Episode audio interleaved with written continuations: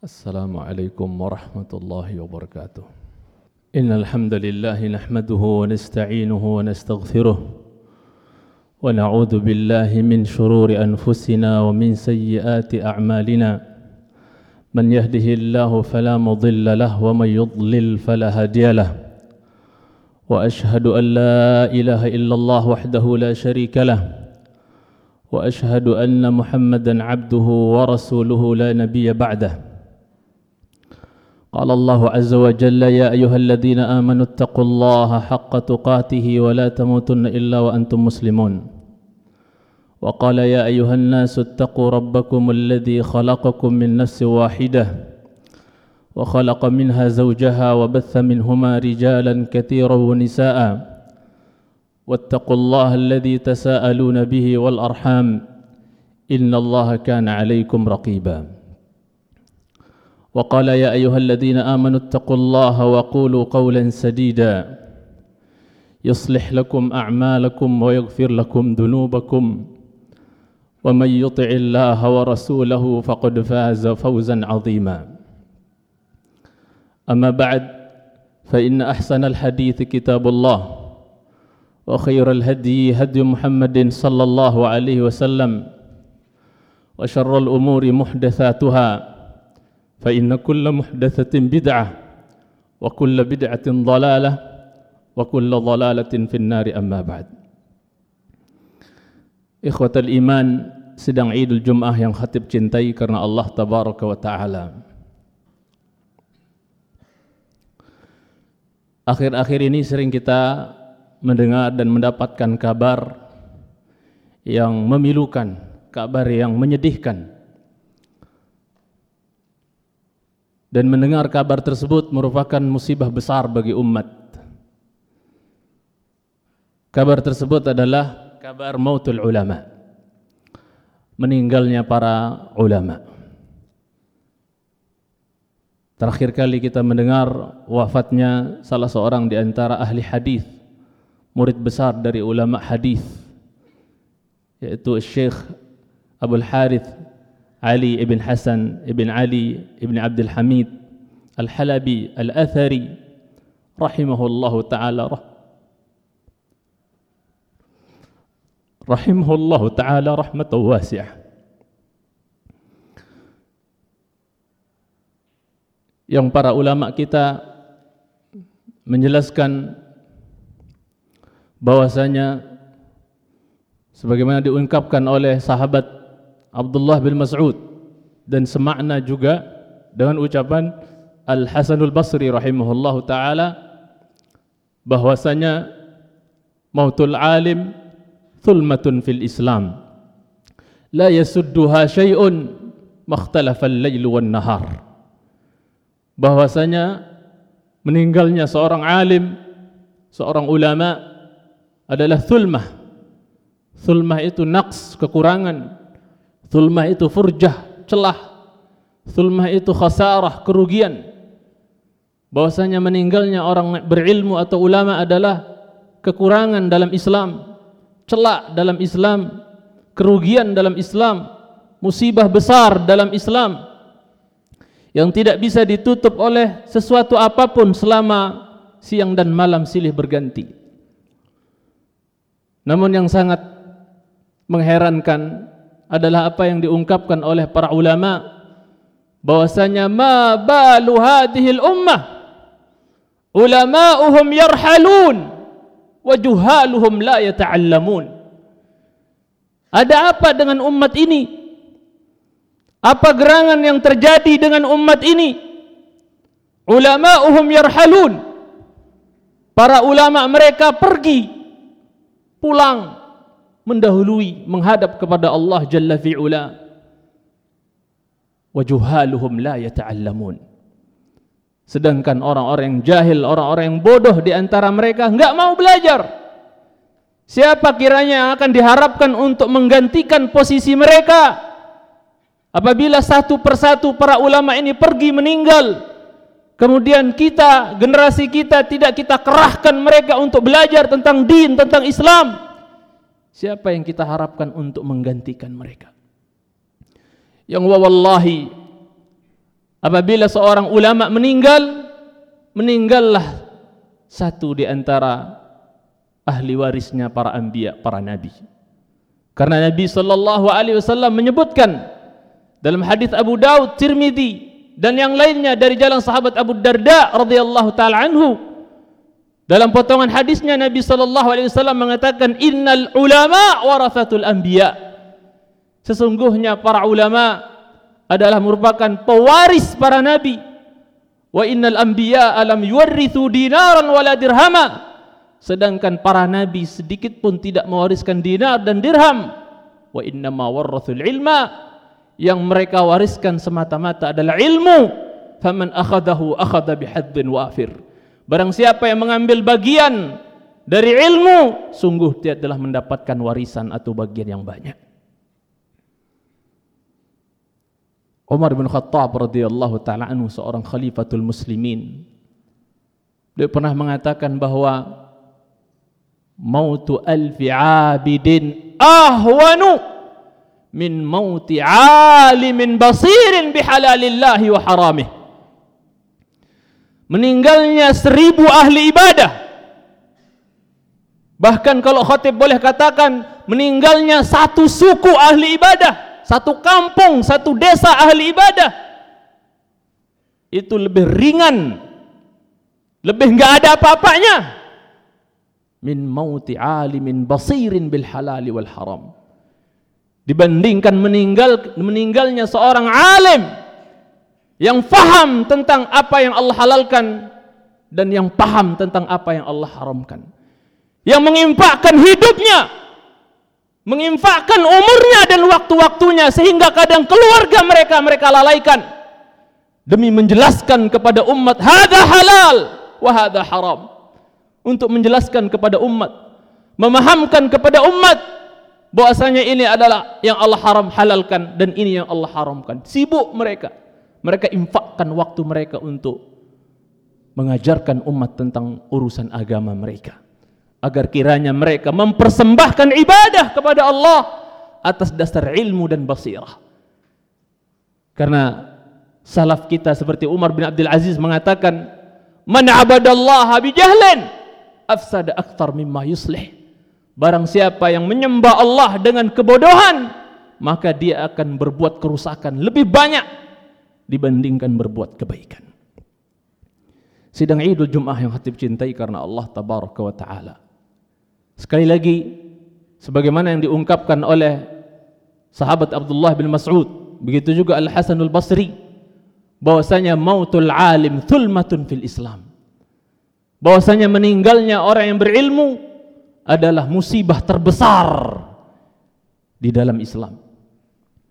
Yang Nabi kita sallallahu alaihi wasallam dalam hadis yang diterima dari jalan sahabat yang mulia Abdullah bin Amr ibn al-As radhiyallahu taala anhuma di dalam sahihain Bukhari dan Muslim Nabi kita sallallahu alaihi wasallam bersabda Inna Allah la yaqbidul ilma intiza'an yantazi'uhu min qulub ay min suduril ibad walakin yaqbidul ilma biqabdil ulama hatta idza lam yabqa alimun wa riwayah lam yubqi aliman ittakhadhan nasu ru'usan juhala fasu'ilu faaftau bighairi ilmin wa riwayah bi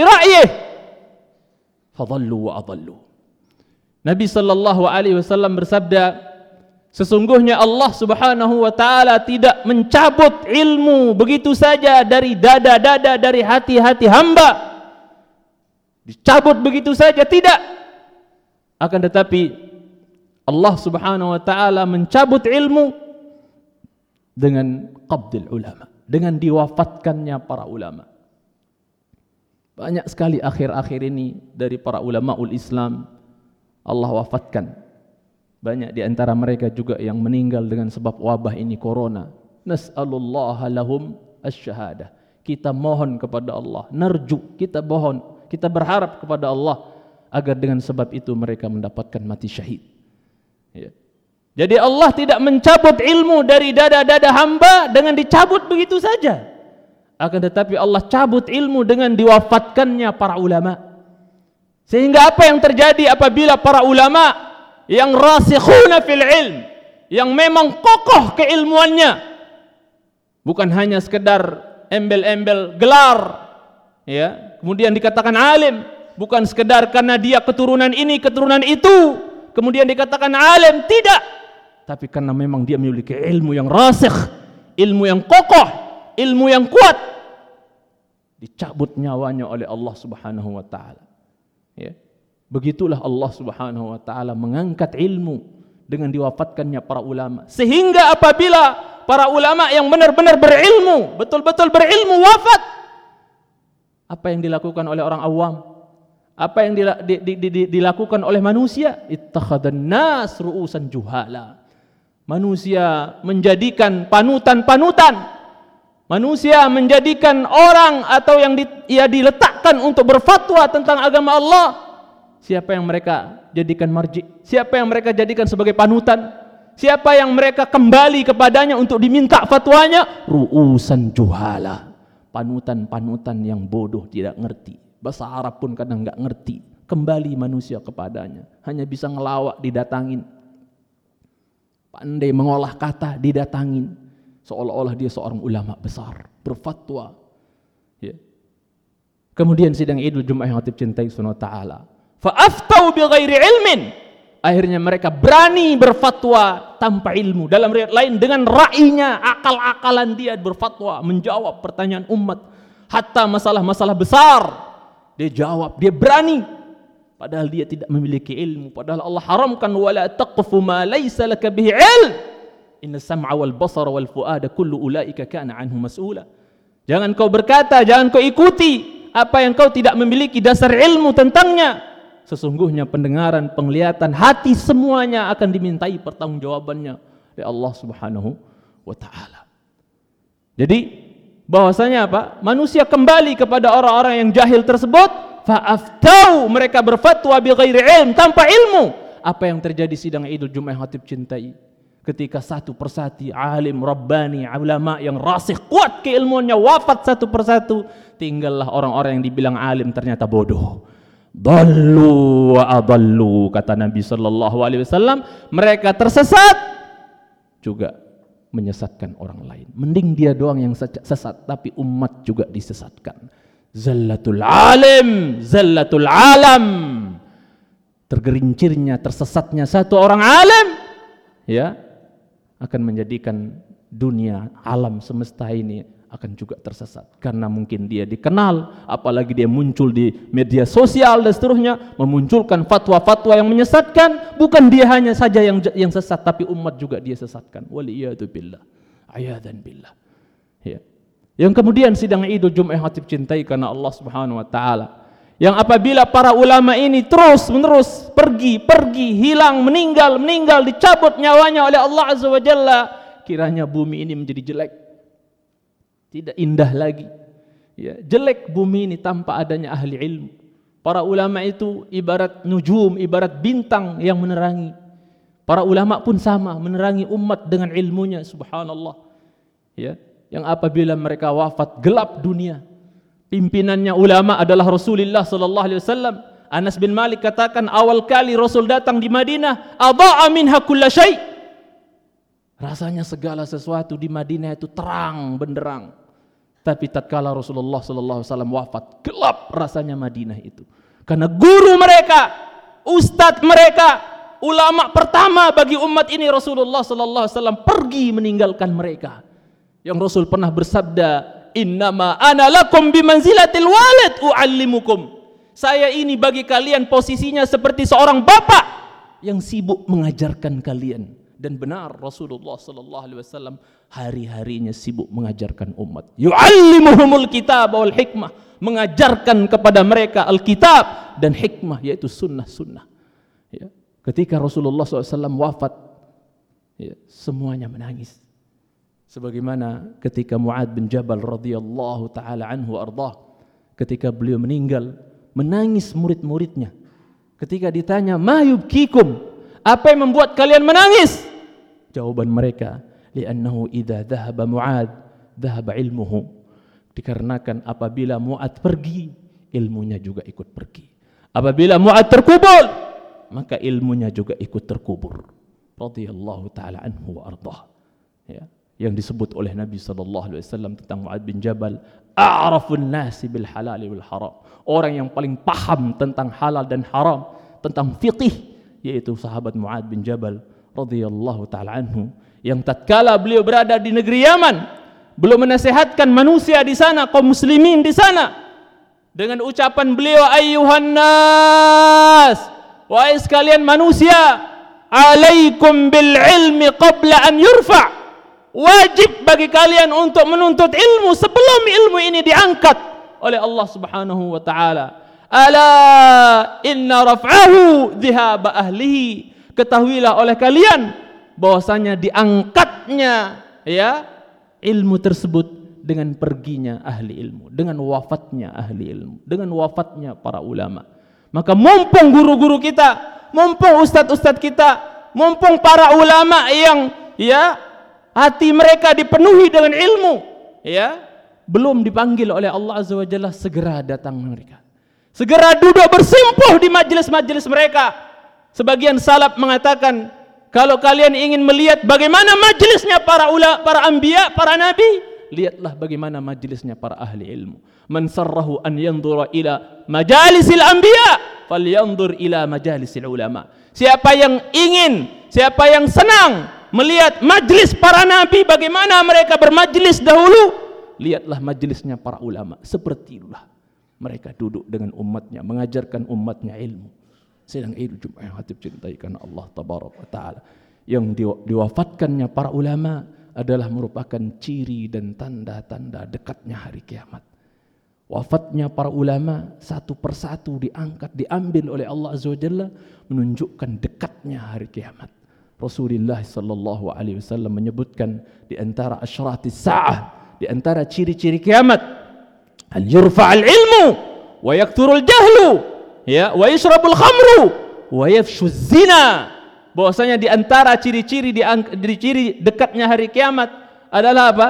Diangkatnya ilmu dan di antara bentuk diangkatnya ilmu adalah wafatnya para ulama. Wa yakturul jahlu, kebodohan semakin banyak, semakin merata. Wa yushrabul khamru, khamr diminum sudah seperti air biasa waliyadzubillah. Kalau kita lihat. Kemudian apa? Wa yafshuz zina, menyebarnya pezinahan. Ini ciri-ciri kiamat. Di antara yang paling utama adalah yurfaul ilmu, diangkatnya ilmu. Ya, dalam riwayat lain dikatakan bahwasanya apa? Yuqbadul ilmu wa tadharul fitan.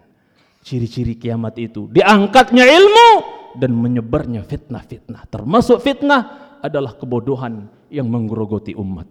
Allah Allah fil ilm. Sidang Idul Jumat Jangan pernah berhenti dari menuntut ilmu. Terus menuntut ilmu. Menuntut ilmu adalah kewajiban kita seumur hidup ya sebelum para ulama kita diambil diangkat diambil nyawanya oleh Allah Azza wa Jalla segera duduk bersimpuh di majlis-majlis demikian أقول قولي هذا وأستغفر الله لي ولكم ولسائر المسلمين والمسلمات من كل ذنب وخطيئة فاستغفروه إنه هو الغفور الرحيم Alhamdulillah wassalatu wassalamu ala Rasulillah wa ala alihi wa sahbihi wa man ittaba'a hudah ila yaumil alqah amma ba'd. Tatkala sahabat yang mulia Zaid ibn Thabit radhiyallahu taala anhu Allah wafatkan ya maka sahabat yang mulia Abdullah bin Abbas radhiyallahu taala anhuma mengatakan berkomentar ketika seorang alim ya selevel Zaid bin Thabit penulis wahyu penulis Al-Qur'an itu wafat. Maka apa? Abdullah bin Abbas radhiyallahu taala anhu mengatakan dhahaba ilmun kathir dhahaba ilmun kathir. Telah pergi ilmu yang banyak. Karena ahlinya dicabut nyawanya oleh Allah azza wajalla yaitu Zaid bin Thabit. Dhahaba ilmun kathir. Telah pergi ilmu yang banyak. Telah pergi ilmu yang banyak ya. Kemudian beliau juga mengatakan bahwa man sarrahu an yanzura kaifa yaqbidullahu al-ilma hakadha yuqbidul ilmu. Kata beliau radhiyallahu taala anhuma siapa yang ingin melihat bagaimana sih caranya Allah Subhanahu wa taala mencabut ilmu ya? Siapa yang ingin tahu bagaimana caranya Allah Subhanahu wa taala mencabut ilmu, maka lihatlah kepada orang ini, yaitu Zaid bin Thabit. Ketika beliau digotong jenazahnya masuk ke liang lahat, maka Abdullah bin Abbas mengatakan, siapa yang ingin yang ingin tahu bagaimana Allah Subhanahu wa taala mencabut ilmu, maka hendaknya dia lihat jenazah ini. Beginilah Allah Subhanahu wa taala cabut ilmu, yaitu dengan diwafatkannya para ulama. Yang kedudukan mereka para ulama di sisi Allah Subhanahu wa taala tinggi luar biasa. Sidang Id Jumat yang hatib cintai karena Allah Subhanahu wa taala. Allah berfirman tentang para ulama, "Innama yakhshallaha min ibadihi ulama. Hanya saja dari hamba-hamba Allah yang paling takut kepada Allah Azza wa Jalla adalah para ulama. Ya. Allah berfirman yarfa'illahu alladhina amanu minkum walladhina utul ilma darajat. Allah mengangkat derajat orang-orang yang beriman di antara kalian dan yang diberikan ilmu beberapa derajat tinggi kedudukan mereka Bahkan sebagian pujaga mengatakan, "Qum lil muallimi wa waffihi tabjila." Kadal muallimu an yakuna rasula. Tegaklah engkau, ya. Muliakan orang yang berilmu, hormati orang yang berilmu, sempurnakan pemuliaanmu terhadap orang yang berilmu. Yang Rasulullah sallallahu alaihi wasallam katakan, "Laisa minna man lam yarham sagirana wa lam yuwaqqir kabirana wa la ya'rif li'alimina haqqan." bukan golongan kami yang tidak sayang sama anak kecil, tidak menghormati orang yang lebih tua dan tidak tahu haknya orang berilmu. Hak orang berilmu itu besar, tinggi. Ya. Allah angkat derajat orang-orang yang beriman di antara kalian ya dan orang-orang yang diberikan ilmu beberapa derajat. Bahkan subhanallah Allah menggandengkan ya ketika mempersaksikan tentang tauhid. La ilaha illallah. Allah gandengkan antara dirinya kedua yaitu para malaikat. Yang ketiga Allah gandengkan dirinya selain dengan malaikat Allah gandengkan dirinya dengan para ulama. Syahidallahu annahu la ilaha illahu ya syahidallahu annahu la ilaha illahu wal malaikatu wa ulul ilm. Qaiman bil qist. Subhanallah. Digandengkan antara Allah dengan Allah gandengkan antara dirinya dengan malaikat dengan orang-orang yang diberikan ilmu mempersaksikan tauhid. La ilaha illallah. Tidakkah ini menunjukkan tingginya kedudukan para ulama sidang il Jumat yang hati cintai sunat ta'ala. Yang sekali lagi sekali lagi bumi ini kalau makin kurang ulamanya buruk bumi ini. Jelek bumi ini bumi ini. Sampai sebagian ahli ilmu mengatakan ulama lakana nas kal bahaim kalau bukan karena sebab adanya para ulama di muka bumi ini, niscaya kau lihat manusia udah kayak binatang semua, nggak ngerti ini boleh ini nggak boleh, bebas sebebas bebasnya, nggak ada yang memberitahu mereka ini boleh ini nggak boleh, ini haram ini halal, nggak ada, seperti binatang tanpa ada ahli ilmu.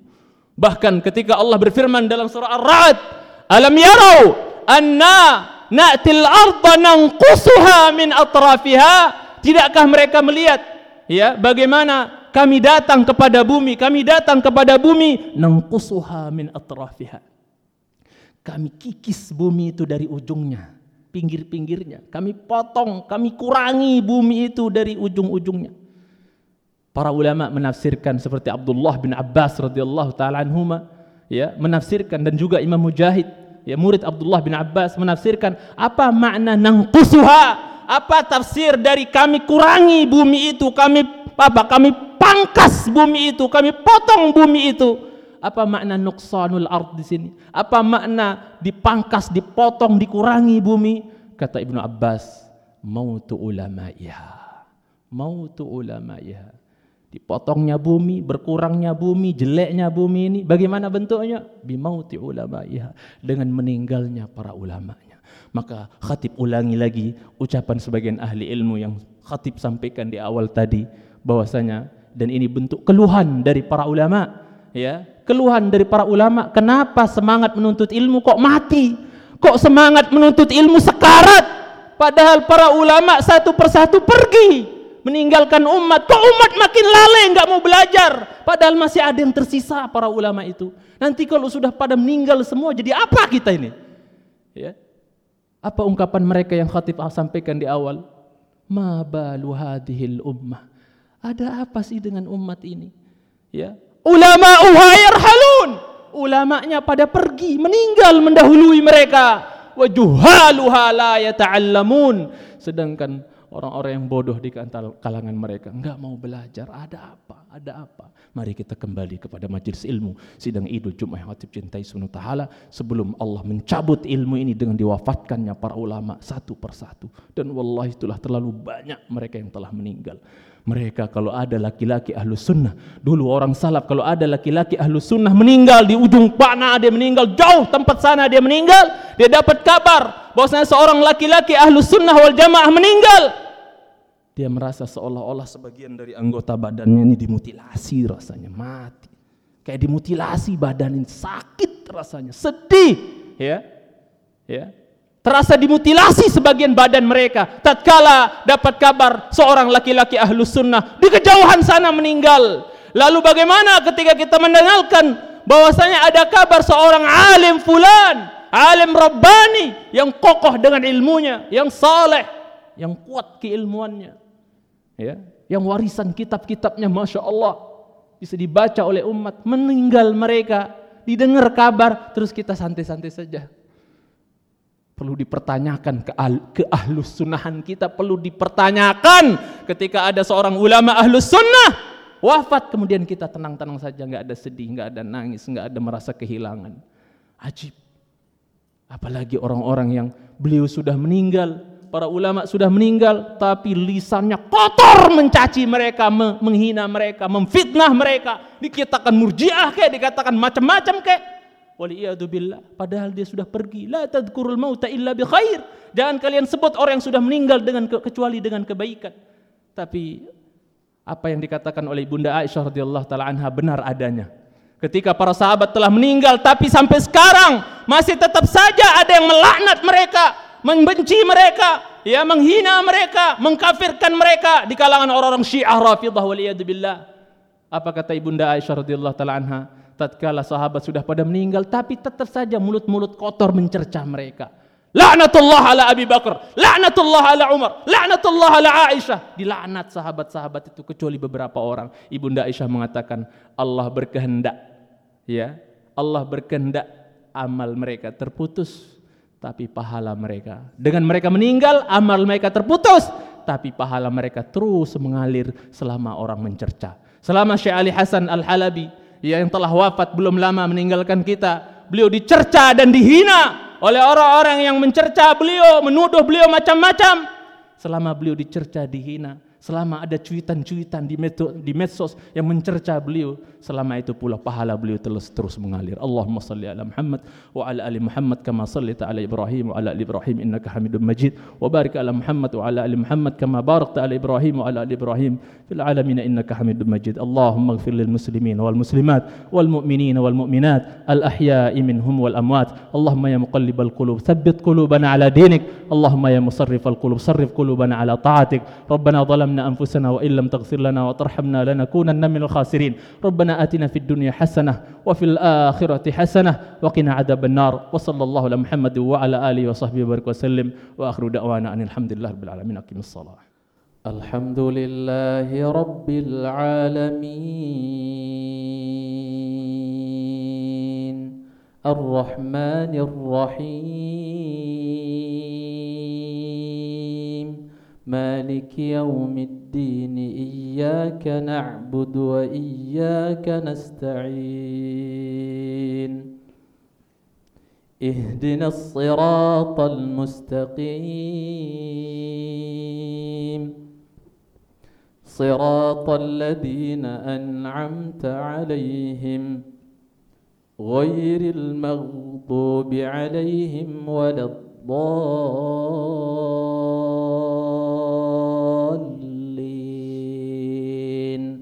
آمين. يقولون لئن رجعنا إلى المدينة ليخرجن الأعز منها الأذل ولله العزة ولرسوله وللمؤمنين.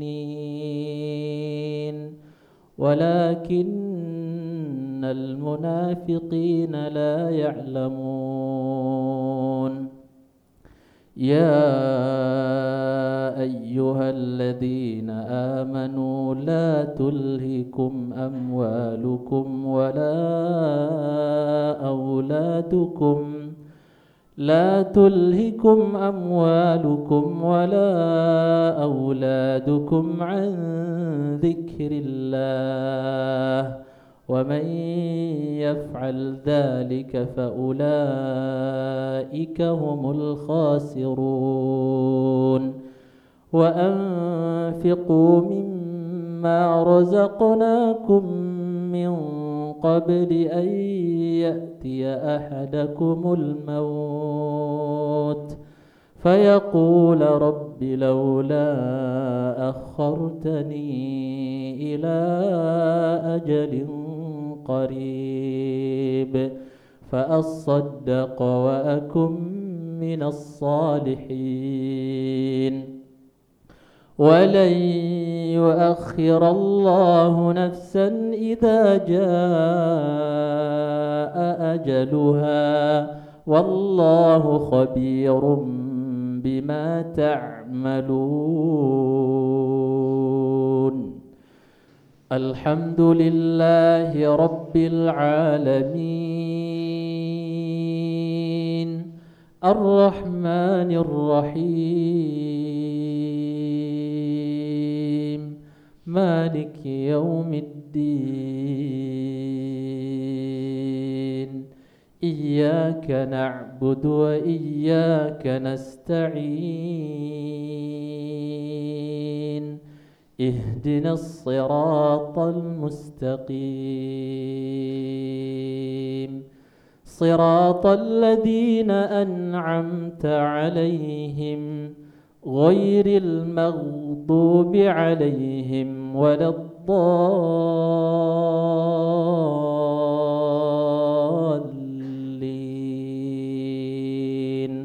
آمين.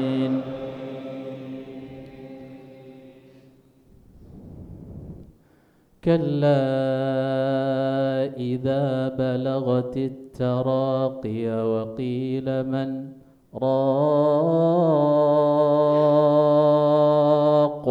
وظن أنه الفراق والتفت الساق بالساق إلى ربك يومئذ المساق. فلا صدق ولا صلى ولكن كذب وتولى. ثم ذهب إلى أهله يتمطى. أولى لك فأولى ثم أولى لك فأولى. أيحسب الإنسان أن يترك سدى؟ ألم يك نطفة من مني يمنى؟